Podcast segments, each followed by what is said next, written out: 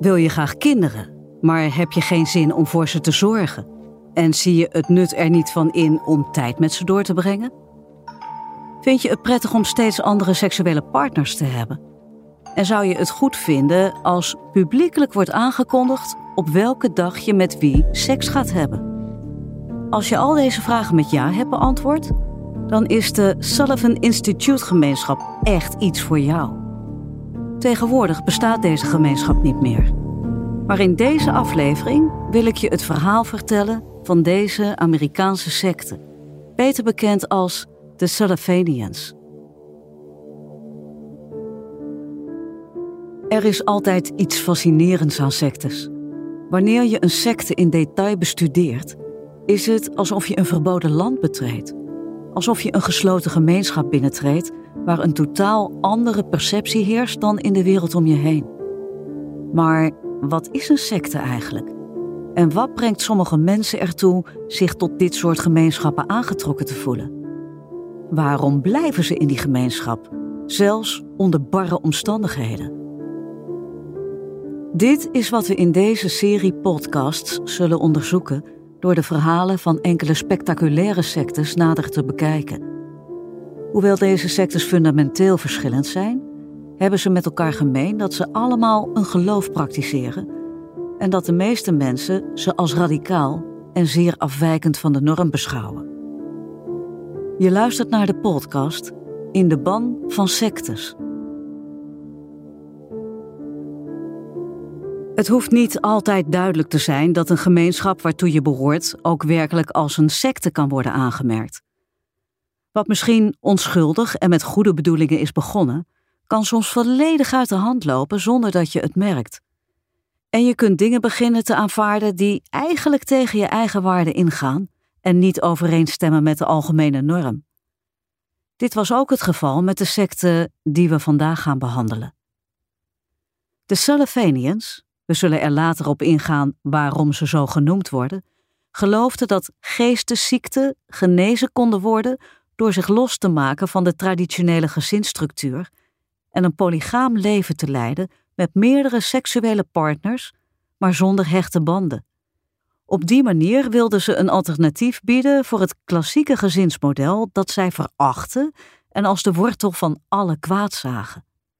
Zoals bij de meeste sectes werd het met de tijd steeds vreemder. Er zijn voormalige secteleden die op hun ervaringen in de secte terugkijken met een mengeling van spijt en schaamte. Maar sommigen worden ook nostalgisch en verwijzen naar die tijd als hun gouden jaren. Ze spreken zelfs de wens uit dat de secte weer zal herrijzen. De Salafanians zijn misschien niet zo berucht als sommige andere sectes, maar dat betekent niet dat hun bedoelingen en praktijken minder sinister en destructief waren. Niet in de laatste plaats hadden de kinderen die in de secte opgroeiden veel te lijden onder de levensstijl. De groep ontstond in de jaren 50 en heeft verbazingwekkend lang bestaan, tot ze uiteindelijk in het begin van de jaren 90 werd ontbonden. In de loop van haar bestaan was ze erin geslaagd een soort geïsoleerd dorp te creëren. En dat midden in New York City. De stichter van de secte, Saul B. Newton, combineerde psychotherapie, marxisme, communisme en de verheerlijking van polygamie tot een unieke sectarische ideologie. Hij vermengde elementen van het christendom met New Age-ideologieën. Bovenal demoniseerde hij het klassieke standaardgezin en daarbinnen, in het bijzonder, de rol van de vrouw als moeder. Saul Newton werd geboren op 25 juni 1906, maar heette eigenlijk Saul Cohen. Er is weinig bekend over zijn vroege jeugd, maar we weten dat hij opgroeide in St. John in New Brunswick, Canada. Hij bezocht later de Universiteit van Wisconsin in de VS en ging spoedig naar Chicago, waar hij zich aansloot bij radicale kringen aan de universiteit daar. Hij was communist en antifascist. Na de universiteit ging hij bij het Amerikaanse leger, diende in de Spaanse burgeroorlog en vocht ook in de Tweede Wereldoorlog. Na zijn terugkeer uit de oorlog raakte hij geïnteresseerd in de vraag hoe psychologische harmonie kon worden gecreëerd. Hij wilde dit te weten komen door het menselijk brein te bestuderen. Daarom begon hij met een studie aan het New Yorkse William Allison White Instituut, waar psychologie en psychoanalyse werden onderwezen.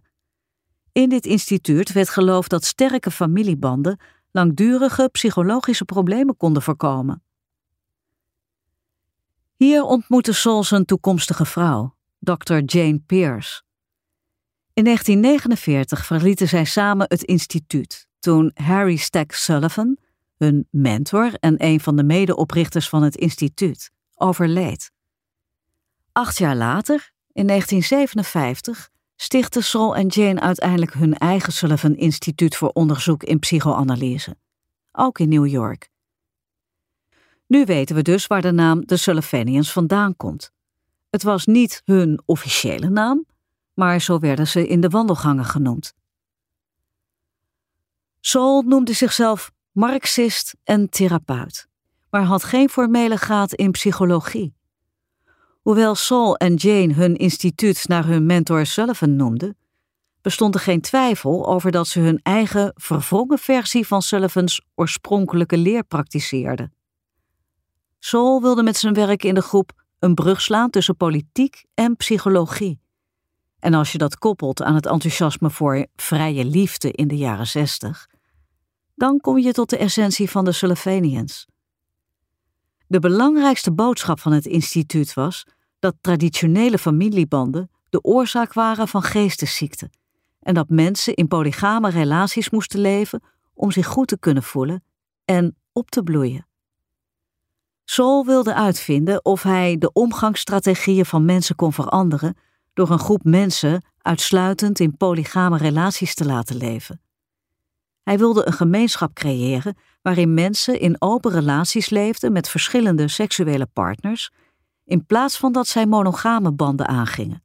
Dat wil zeggen, één band met één en dezelfde partner. Dat was eigenlijk precies het tegenovergestelde van wat hij had geleerd op het William Allison White Instituut. In de loop van de jaren 60 kwamen er steeds meer mensen in de gemeenschap die de therapeutische praktijken van het instituut onderschreven. Verschillende therapeuten die in contact waren geweest met Sol en Jane begonnen hun patiënten door te verwijzen naar het instituut als onderdeel van hun behandeling. Maar het waren niet alleen gewone New Yorkers die belangstelling toonden voor deze sekstherapiegemeenschap. Ook veel beroemde kunstenaars werden aangetrokken door de nieuwe en revolutionaire levensstijl die de groep propageerde en leefde. Zo behoorden de schrijver Richard Price, de zangeres Judy Collins en de wereldberoemde schilder Jackson Pollock tot degene die de liefdevolle behandeling van de therapeuten zouden ondergaan.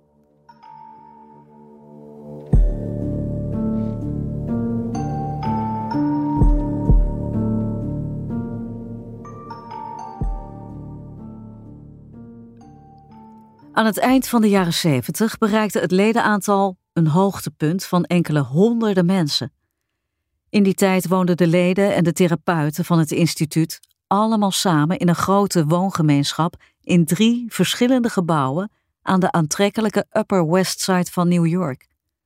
Ze waren eigenaar van twee van de gebouwen en huurden het derde. Aangezien het gebied zeer exclusief is, was het voor de leden een aantrekkelijke optie om daar in de gemeenschap te wonen. Het kwam Sol zeer goed uit al zijn leden dicht bij hem en bij elkaar te hebben. Zo kon hij ze beter in de gaten houden. Want, zoals bij zoveel andere sectes, waren er bepaalde regels die gevolgd moesten worden. Mannen en vrouwen mochten niet samenleven en hadden daarom aparte afdelingen. De kinderen van de gemeenschap leefden ook apart van hun ouders, maar daar gaan we zo dadelijk dieper op in. De volwassenen moesten minstens drie keer per week intensieve therapie ondergaan. Dit was een verplicht onderdeel van het Sullivanian zijn. Het klinkt misschien als een vrij onschuldige regel, maar deze therapieën waren niet bepaald bedoeld om de leden te helpen. Ze waren bedoeld om hen te manipuleren. Verschillende voormalige leden hebben achteraf gemeld dat de therapeuten de leden tijdens de therapiesessies op de slechtst mogelijke manier manipuleerden. Het hoofddoel van de sessies was de leden ervan te overtuigen dat hun ouders, vooral hun moeders, nooit in hen geïnteresseerd waren geweest. Dat hun ouders hen in feite verachten en niets met hen te maken wilden hebben. De therapeuten deden dit door foto's uit de kindertijd van de leden te interpreteren en te analyseren om aan te tonen dat ze nooit echt geliefd waren geweest. Dat hun respectievelijke moeders slecht en walgelijk waren.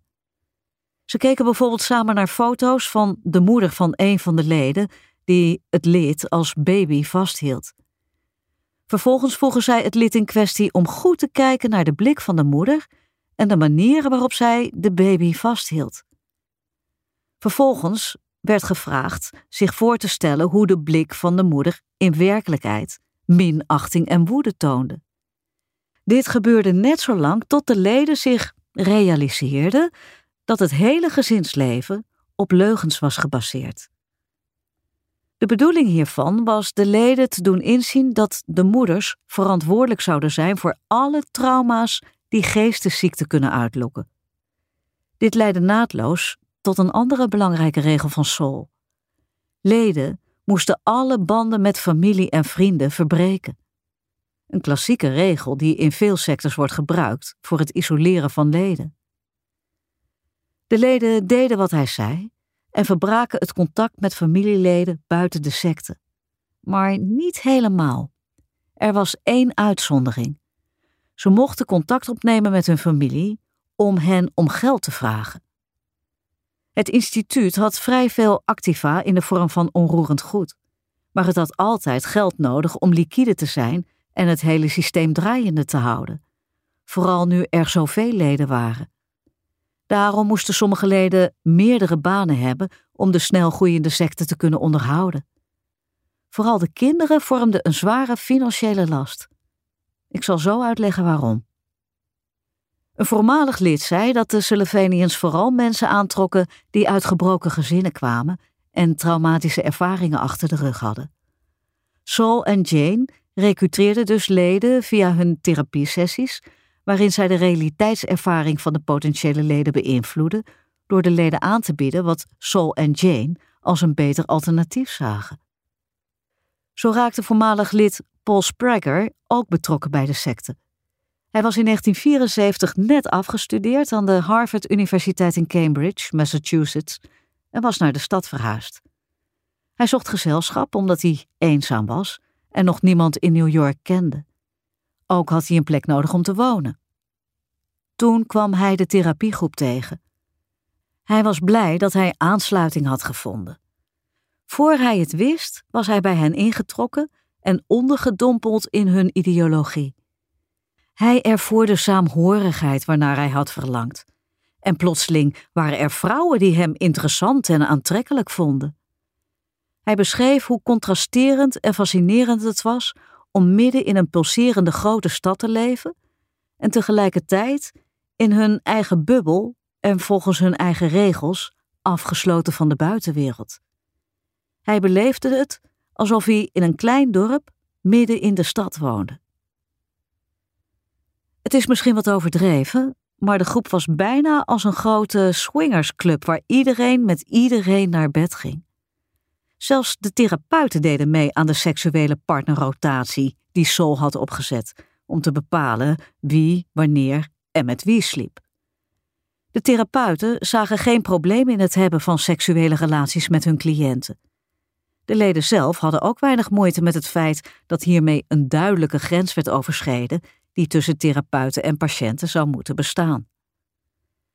Men moest seks hebben met vijf tot zes verschillende personen per week. Het werd dus als een overtreding van de regels beschouwd als je één en dezelfde persoon meer dan eens ontmoette. Er werd een soort kalender bijgehouden waarop stond wie op welke dagen het bed met wie zou delen. Deze kalender werd opgehangen in de gemeenschappelijke ruimte, zodat iedereen van alles op de hoogte was. Het rotatiesysteem was ontwikkeld om te voorkomen dat je te dicht bij een van je seksuele partners zou komen. Je mocht niet verliefd worden en geen enkele relatie mocht diep, betekenisvol of exclusief zijn. Het moest pure seks zijn. Onmiddellijk daarna moesten de banden weer verbroken worden. Echtparen die zich samen bij de groep hadden aangesloten, werden van elkaar gescheiden en moesten voortaan apart gaan wonen. Als ze kinderen hadden, werden ook deze van hun ouders gescheiden en in een ander gebouw ondergebracht. Hier werden de kinderen uitsluitend opgevangen door kindermeisjes, de klok rond. De ouders mochten de kinderen hoogstens één of twee uur per dag komen bezoeken. Als ouders genegenheid of betrokkenheid bij de kinderen durfden te tonen, konden ze een boete krijgen die kon oplopen tot 10.000 dollar. Dus waren ze op hun hoede om dat te doen. Het was belangrijk dat ze niet te dicht bij hun kinderen kwamen, omdat dit volgens hun leer later tot geestesziekte bij de kinderen zou kunnen leiden. Moederliefde werd beschouwd als bijna fataal voor het kind. Met andere woorden, een moeder die gevoelens of belangstelling voor haar kind toonde, werd ervan beschuldigd het te willen doden.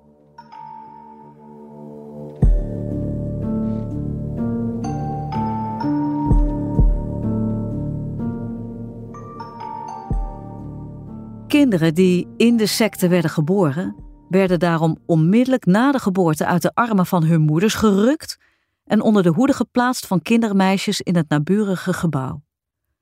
Zodra de kinderen oud genoeg waren, werden ze naar kostschool gestuurd, waar ze min of meer aan hun lot werden overgelaten. De ouders moesten gedurende deze jaren zo weinig mogelijk contact met de kinderen hebben. Als een van de ouders besloot de secte te verlaten, ging het ouderlijk gezag automatisch over op de ouder die bij de groep bleef. Natuurlijk waren er ook strikte regels voor kinderen die binnen de secte werden verwekt.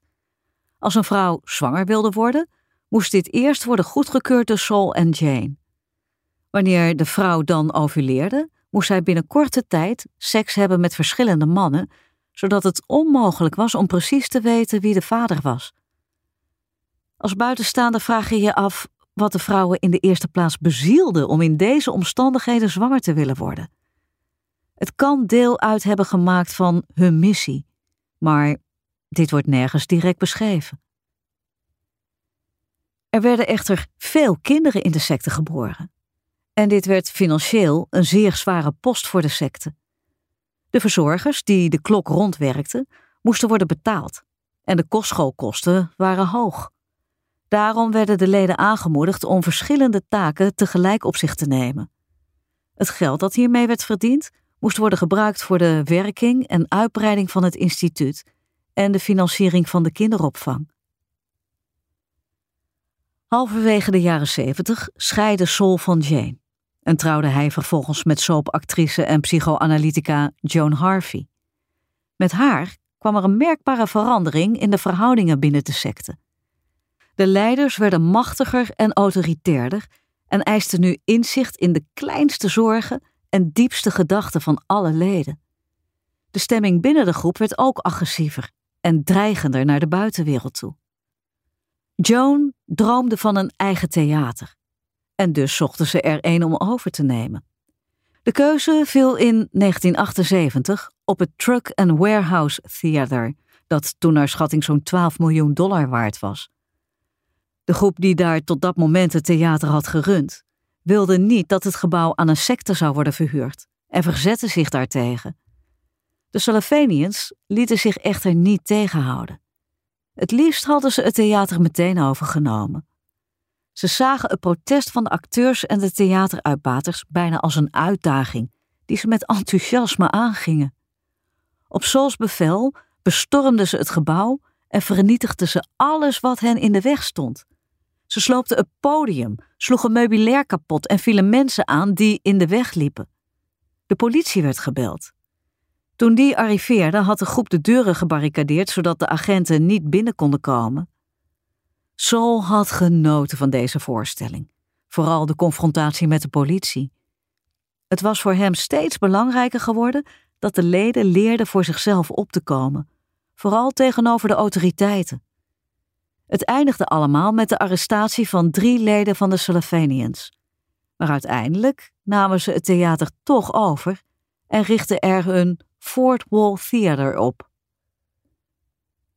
Joan was een van de vier leiders van de groep, maar in de loop van de tijd schreef en regisseerde ze verschillende toneelstukken die allemaal een politieke boodschap hadden. Deze toneelstukken waren echter niet alleen voor vermaak. Als de leden na een lange, drukke dag thuiskwamen, moesten ze meestal rechtstreeks door naar het theater, waar ze verder moesten werken of repetities moesten bijwonen.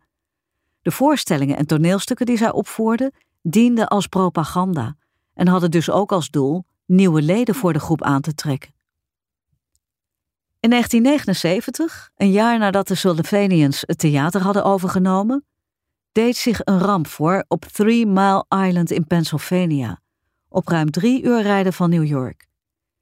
In reactor 2 van de kerncentrale op het eiland deed zich een gedeeltelijke meltdown voor, waarbij radioactieve straling vrijkwam.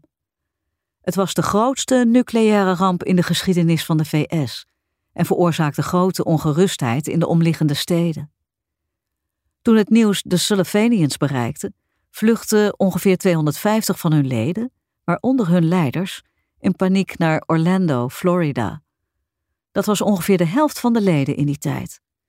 Ze waren er zeker van dat de val van Manhattan nabij was en dat het binnen de kortste keren vernietigd zou worden. Na een paar weken in Florida waren zowel de situatie als de leden geleidelijk tot rust gekomen en keerden ze terug naar New York. Maar na deze gebeurtenis werd alles anders. Iedereen die niet was meegegaan naar Orlando werd verstoten door secteleider Saul Newton. Na dit incident sloot ook het theater, wat leidde tot een zeer onzekere en turbulente tijd voor de secte. Er waren verschillende incidenten waarbij leden gewelddadig werden wanneer zij zich geprovoceerd voelden. Zo hadden ze ruzie gemaakt met hun buren in het aangrenzende gebouw, die hen hadden geprovoceerd, door gele verf op de gevel van het gebouw van het instituut te smeren. Op de avond van 29 juli 1989 trokken een paar leden donkere kleren aan en nylon kousen over hun hoofd. Vervolgens braken ze de deur van het naburige gebouw open en begonnen de rellen. Ze maakten matrassen kapot, vernielden gootstenen, toiletten en televisies.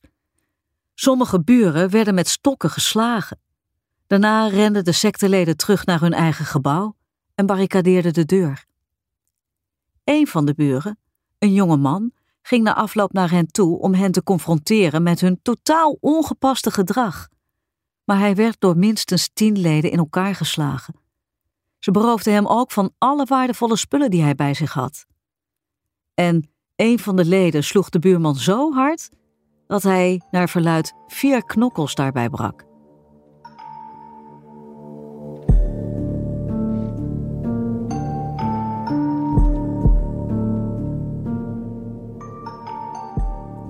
Saul en Joan begonnen paranoïde te worden en leden aan vervormingen van de werkelijkheid. Dat verspreidde zich geleidelijk over de hele groep. Ze voelden zich bedreigd en in de gaten gehouden, wat ook zou kunnen worden toegeschreven aan de ontluikende kritiek die in de omringende gemeenschap de kop opstak. Bovendien lieten steeds meer afvalligen zich uit tegenover de pers, met als gevolg dat de reputatie van de groep verslechterde. Uiteindelijk moesten ze vluchten. Saul en Joan besloten een resort te kopen in het Catskill-gebergte, 160 kilometer ten noorden van New York. Daar lieten ze onder meer een geheime kamer bouwen die ze bekleden met enorme, dikke stalen platen. Die kamer zou Jones' studeerkamer worden, waar ze in alle rust aan haar films kon werken. Want ze waren ervan overtuigd dat ze door de CIA in de gaten werden gehouden. De andere leden deelden misschien niet noodzakelijk die bezorgdheid over vermeende CIA-interesse, maar zetten zich toch in voor de taak omdat ze zich zo nuttig voelden en wilden bijdragen aan de opbouw van die schoters. Tegelijkertijd werkten ze aan ontsnappingsstrategieën voor het geval ze plotseling ongewenst bezoek kregen. Het plan was om een groot aantal motorfietsen te kopen, waarop de volwassenen dan de kinderen konden vervoeren, in rugzakken. Ze hadden alles zorgvuldig gepland. Op dat moment bezat de groep voor ongeveer 12 miljoen dollar aan onroerend goed. Allemaal gekocht en gefinancierd met het zuur verdiende geld van de leden. Maar zij hadden natuurlijk niets te winnen bij een eventuele verkoop. Saul was er inmiddels van overtuigd dat de wereld erop uit was om hem te pakken. Daarom gaf hij de andere leiders opdracht om intimidatie en geweld te gebruiken tegen ongehoorzame leden om hen snel weer onder controle te krijgen. Het was ook een duidelijk signaal aan de andere leden wat er met je zou gebeuren als je de groep zou willen verlaten. Ze verscherpten de regels en het toezicht op de leden, die nu werden overheerst en onderdrukt. Eén lid trotseerde de angst en probeerde te ontsnappen. Zijn vreugde was van korte duur, want twee handlangers van Sol achtervolgden de man op zijn vlucht naar de metro. Beneden bij het perron grepen ze hem en hielden hem boven het spoor. Terwijl hij daar hing, dreigden ze hem te doden als hij de groep verliet. Een van die twee handlangers was de zoon van Sol, maar geen van beiden werd ooit van de aanslag beschuldigd. Amy Siskin daarentegen slaagde er wel in uit de gemeenschap te ontsnappen. Zij kwam het instituut binnen als jonge tiener en dus onvrijwillig, maar bracht er haar vormende jaren door. In 2003 publiceerde ze een boek genaamd The Sullivan Institute, Fort Wall Community. Ze is een van de weinigen die over haar jeugd in de secte heeft gesproken. En ze onthulde dat ze als kind in de groep seksueel was misbruikt. Afgezien van haar getuigenis is hier geen ander bewijs voor. En haar getuigenis is een van de zeer weinige beschuldigingen van kindermisbruik die überhaupt zijn gerapporteerd. Het is dan ook niet mogelijk om vanuit het huidige perspectief te beoordelen of dit regelmatig gebeurde of dat Amy Siskind een op zichzelf staand geval is. Amy kwam bij de secte toen ze 13 was en bleef er 21 jaar. Ze zegt dat naarmate de leiders meer macht kregen, ze ook meer controle kregen. De leiders wilden beslissen of zij kinderen kreeg en ze bepaalden ook met wie ze op jonge leeftijd uitging. Ze herinnert zich dat ze bang was voor Saul en dat zijn gewelddadige neigingen in de jaren tachtig escaleerden toen hij tekenen van dementie begon te vertonen. Ze vertelt ook: Hij had een duidelijk idee van hoe hij zou omgaan met mensen die tegen hem en de groep waren. Het draaide vooral om intimidatie en geweld. Een mannelijk lid had het eens gewaagd de meubels in de flat te verplaatsen voor de verjaardag van zijn kind, zodat de gasten meer ruimte zouden hebben. Dit bleef natuurlijk niet onopgemerkt. Uit het feit dat hij aan de verjaardag van het kind had gedacht, bleek bovendien dat hij gevoelens voor het kind moet hebben gehad. Aangezien dit schadelijk werd geacht voor het kind, moest hij voor deze vreselijke daad worden gestraft. Hij werd naar zijn kamer gesleept, waar hij enkele dagen werd opgesloten, zodat hij van zijn fout kon leren. In dit geval had het echter het tegenovergestelde effect. Het enige waar hij schuldig aan was, was het zorgen voor zijn kind, van hem houden. Hij ontsnapte uiteindelijk aan de secte en was een van degenen die naar de media stapte en vervolgens de secte aanklaagde om het kind uit haar klauwen te bevrijden. Hij was ook degene die hun extreme opvoedingsmethode aan de buitenwereld bekend maakte. De media waren genadeloos en schreven steeds meer kritische artikelen over de secte. Tegen het einde van de jaren tachtig liep het aantal leden snel terug en werden steeds meer mensen zich ervan bewust dat ze niet zomaar deel uitmaakten van een therapeutisch instituut. Ze hadden niet gemerkt hoe de dingen zich langzaam voor hun ogen hadden ontwikkeld en hoe, even langzaam, de grenzen van wat als normaal werd beschouwd, werden verlegd. Nu pas drong het tot hen door dat ze daadwerkelijk deel uitmaakten van een secte.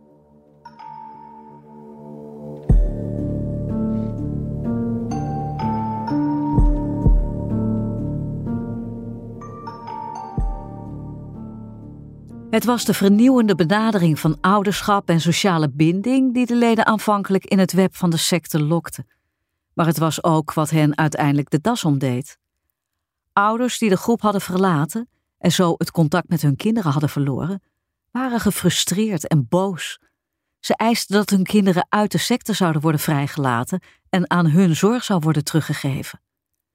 Ze gebruikten de media om druk uit te oefenen op de groep en sommigen huurden advocaten in en klaagden de secte aan om hun kinderen terug te krijgen. Tegelijkertijd werd het duidelijk dat er iets mis was met Saul Newton. Hij vertoonde duidelijke tekenen van dementie, had gedragsproblemen en werd steeds zieker en zwakker. Hij stierf uiteindelijk in een ziekenhuis in Brooklyn in december 1991 op 85-jarige leeftijd. De doodsoorzaak was Alzheimer en bloedvergiftiging. Met zijn dood verloor de gemeenschap de laatste schakel die het instituut nog bijeenhield. Snel daarna ontvluchtten de leden de secte, die snel en geruisloos uit elkaar viel. Saul Newton is in zijn leven zesmaal getrouwd, ook zesmaal gescheiden, en had in totaal tien kinderen. Sommigen beweerden dat Joan Harvey en haar volgende echtgenoot Rolf Klein een soort gelijke groep voortzetten vanuit hun huis in New Rochelle. Met uitzondering van het boek van Amy Siskind is er in de jaren na de opheffing van het Sullivan Instituut bijna niets over de gemeenschap geschreven. Sommige mensen die in de buurt wonen hebben vage herinneringen aan de aanwezigheid van de groep, maar het meeste is vergeten. Weinig ex-leden zijn met hun ervaringen naar buiten gekomen. Dat kan te maken hebben met het feit dat de nog levende ex-leden nu 60 à 70 jaar oud zijn en begrijpelijkerwijs terugschikken voor het onthullen van dit hoofdstuk van hun leven. Een uitzondering is Eric Croonen, een zelfverklaard kluisenaar die twaalf jaar lang deel uitmaakte van de groep. Eric Croonen heeft alleen maar positieve herinneringen aan deze tijd. En hij beweert dat de meeste anderen er net zo over denken. In een interview zei hij: Als je echt wilt weten hoe het was, moet je praten met de mensen die geen interesse hebben om met jou te praten. Cronin blijft tot op de dag van vandaag een vurig verdediger van het instituut en weigert te erkennen dat het een secte was. Hij wordt ronduit kwaad als iemand zoiets beweert en wil zich formeel distancieren van het boek van Amy Siskind. Een paar jaar geleden begon hij een besloten Facebookgroep om weer in contact te komen met oud-leden.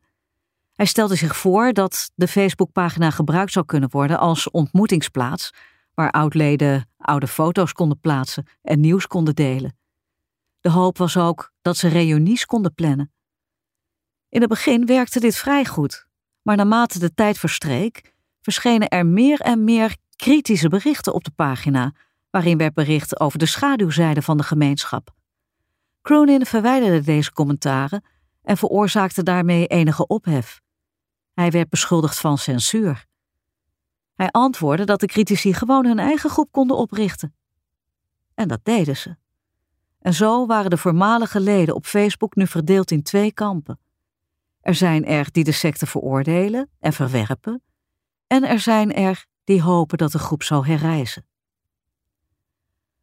Op de vraag of hij zich kon voorstellen dat een soortgelijke groep in New York weer zou opduiken, antwoordde hij dat dit natuurlijk weer zou kunnen gebeuren.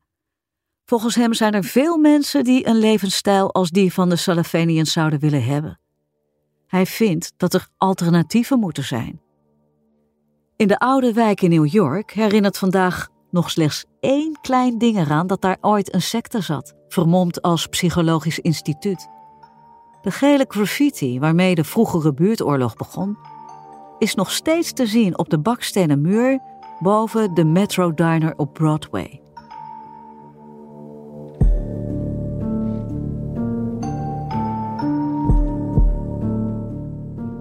Dit was aflevering 1 van de serie In de ban van sectes. Een productie van Podimo en voorgelezen door Karin Dauma. Bedankt voor het luisteren en tot volgende week.